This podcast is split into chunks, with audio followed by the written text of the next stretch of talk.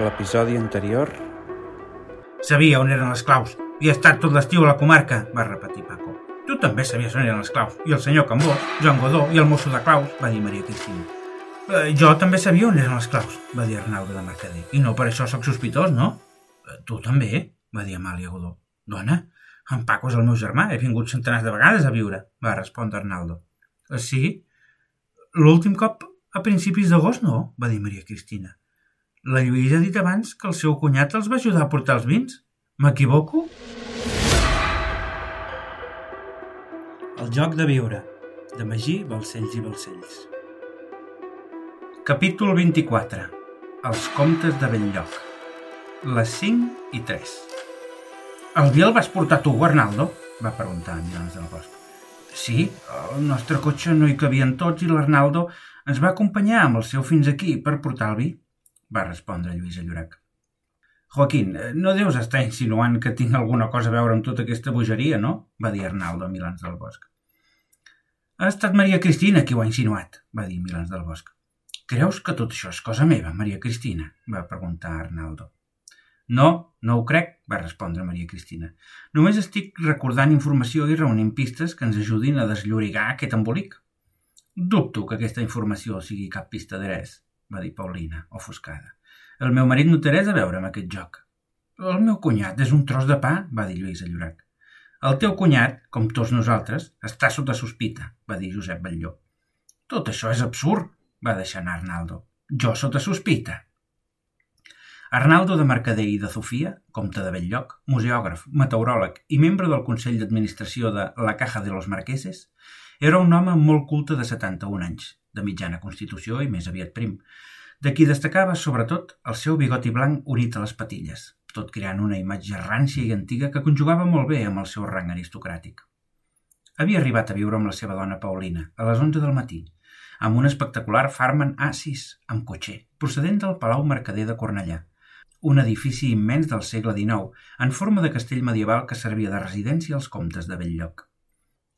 Arnaldo havia nascut a Barcelona el 1852, a la casa del carrer Lledó on hi havia instal·lat el Museu Zoológico Conde de Belllloc, i per tant es pot dir que havia crescut dins mateix d'un museu, un fet que l'havia convertit en un amant del col·leccionisme.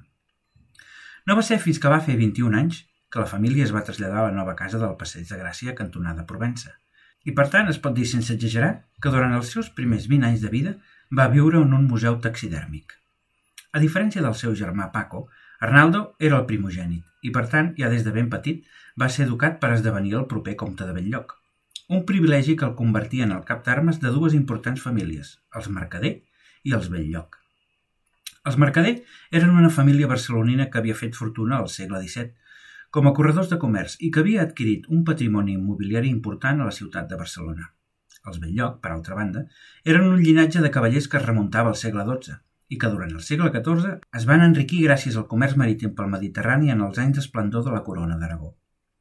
Malgrat ser cavallers des d'antic, el títol nobiliari familiar no va arribar fins al segle XVIII, quan l'arxiduc Carles d'Àustria els va gratificar amb el comtat de Belllloc.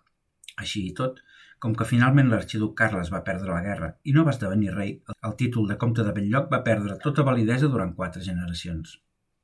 Entretant, hi va haver una generació que només va engendrar dones i, per tant, els drets familiars van recaure en Maria Mercè de Belllloc i de Portell, que un cop casada amb Ramon Mercader i Novell va suposar la unió de les dues famílies i el canvi de cognom per als hereus dels drets.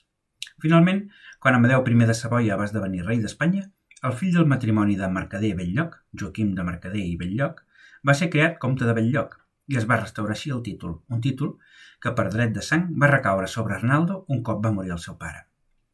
Arnaldo va créixer en un ambient benestant, amb pretensions nobiliàries aconseguides, i va passar tota la infantesa a l'ombra del seu pare, atès que la seva mare, Laura de Sofia Perales, filla d'una rica família navarresa, va morir durant el pare de Paco. En si el primogènit havia rebut tot el patrimoni familiar amb la mort del pare i, en conseqüència, ja des de ben jove, va dedicar la seva vida a les seves passions, els esports, l'astronomia i el col·leccionisme.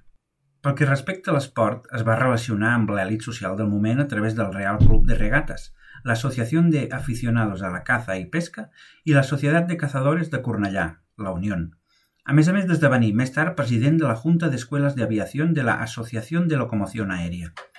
D'un altre cantó, en el vessant astronòmic, Va ser de les primeres persones a adquirir un anteojo equatorial, un aparell astronòmic de 16 centímetres de diàmetre que va instal·lar a l'Observatorio Belllloc, en una de les seves propietats de Llinars del Vallès.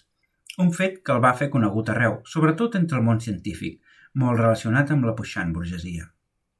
A més a més, va fer construir la Torre de la Miranda prop del Palau Mercader de Cornellà, per ser utilitzada com a mirador d'ocells i observatori astronòmic i va esdevenir membre de la Societat Astronòmica d'Espanya i Amèrica i fundador, juntament amb el seu amic i col·laborador Antoni Llorenç i Clariana, de la primera publicació catalana de meteorologia, denominada Hojas Meteorològiques. Finalment, en el camp del col·leccionisme, com a propietari d'un museu taxidèrmic i de nombroses peces arqueològiques que havia aconseguit el seu pare, es va veure molt implicat en el món museístic, essent l'activitat que destinava més temps, conjuntament amb la de membre del Consell d'Administració de la Caja de los Marqueses, atès que, al final, era el que li reportava més benefici i el mantenia a la cúspide de la seva classe social com a noble. D'aquesta manera, havia estat molt implicat en la Junta de Museus de Barcelona durant anys per aconseguir materialitzar una obsessió que l'havia acompanyat tota la vida, adquirir diverses pintures murals romàniques de les esglésies pirinenques de la Vall d'Avui, per portar-les a Barcelona, en un lloc segur que les preservés de les humitats pirinenques per salvar-les de l'oblit i resguardar-les per la posteritat. Estem perdent el temps en ximpleries, acusant-nos mútuament d'aquest absurd joc quan, en realitat, molt possiblement no coneixem els autors de tota aquesta atrocitat, va dir Paulina, per defensar el seu marit. Tranquil·la, Alina, li va dir Arnaldo a la seva dona. Tots sabem que aquesta acusació no se sosté de cap manera. Us vau reunir amb el papa fa un any, va dir Josep Batlló, i les males llengües diuen que vau parlar de la possibilitat d'un govern militar per a Espanya. D'on ho has tret, això? Sa Santitat Pius XI ens va rebre en audiència com a comtes de Belllloc per animar-me a seguir escrivint en defensa de les dones, va respondre Paulina. Com vols que tractem temes oficials amb el papa? va dir Arnaldo. Arnaldo, sé de bona font que vau sondejar el papa sobre el posicionament del Vaticà davant les intencions de Mussolini per assolir el poder, va dir Lluís Ferrer Vidal. Eh, com ho saps, això? Qui t'ho ha dit? va preguntar Arnaldo. Es diu el pecat, però no el pecador, va dir Lluís Ferrer Vidal. Li vaig preguntar per la situació política italiana perquè m'interessava el seu punt de vista, va dir Arnaldo. Ja, i quan et va contestar, li vas preguntar si adoptaria la mateixa resposta en cas que Espanya passés el mateix, va dir Josep Batlló. Això no és cert, va dir Paulina. És el que el teu marit va explicar a una persona, va dir Lluís Ferrer Vidal. Vaig parlar de política amb el papa, no és cap novetat, va dir Arnaldo. No entenc què té a veure la meva conversa amb el papa i el que està passant aquí al castell. Home, ets el germà de la persona que ens ha reunit aquí per convèncer-nos d'un cop militar. Vas parlar amb el papa del suport a cops militars. Estem tancats al castell de la teva cunyada i ens han drogat amb unes ampolles que vas portar tu en el teu cotxe, va dir Josep Batlló.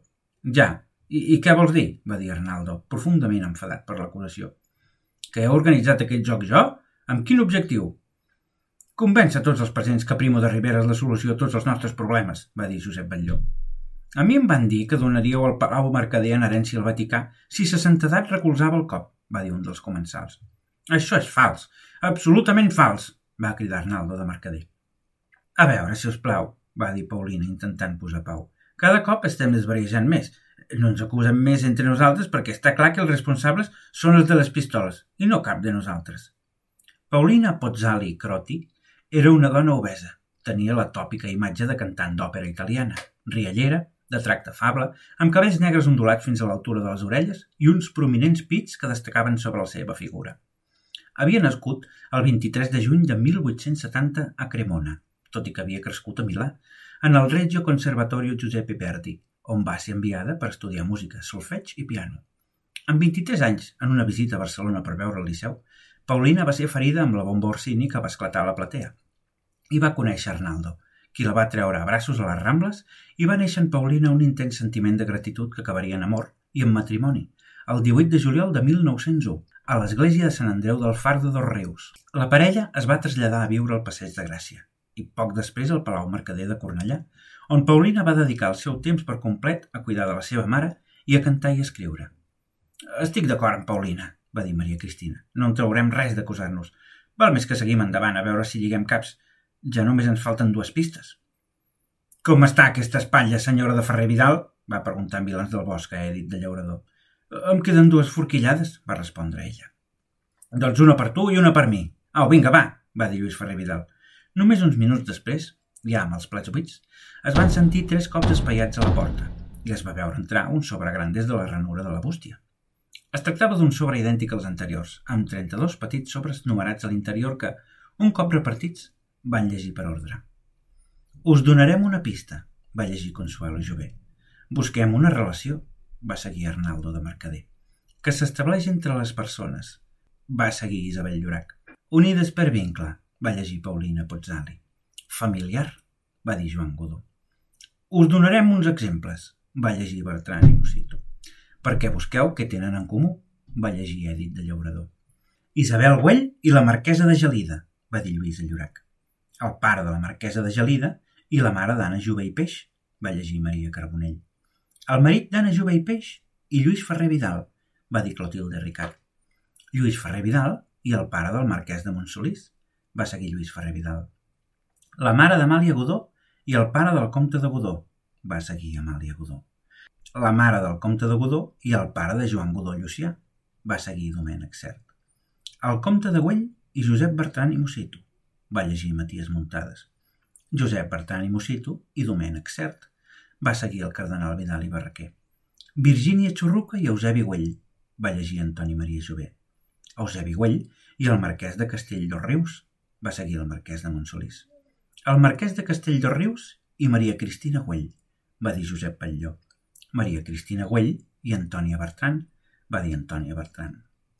Els germans Güell i la germana de Clotilde Ricard, va llegir Virgínia Xurruca. Isabel Llorac i Francisco Javier de Mercader, va llegir Ramon Godó. Francisco Javier de Mercader i Paulina Pozzali, va seguir Paco. Paulina Pozzali i Lluïsa Llorac, va dir Francesc Cambó. Lluïsa Llorac i Arnaldo de Mercader, va seguir Anna Jové. El pare del comte de Güell i el germà de Lluís Ferrer Vidal, va dir Isabel Güell. El marquès de Castell de Rius i el comte de Güell, va dir el comte de Güell. El comte de Güell i la marquesa de Gelida, va dir Milans del Bosc. Malgrat que és, va seguir Maria Cristina Güell. Una forma de parentesc, va llegir Eusebi Güell. Col·lateral preferent, va dir Carme Estruc. De segon grau, va dir Carlos de Sant Manat. No hi ha vincle de sang, va dir Maria Teresa Núñez. El joc de viure, de Magí, Balcells i Balcells.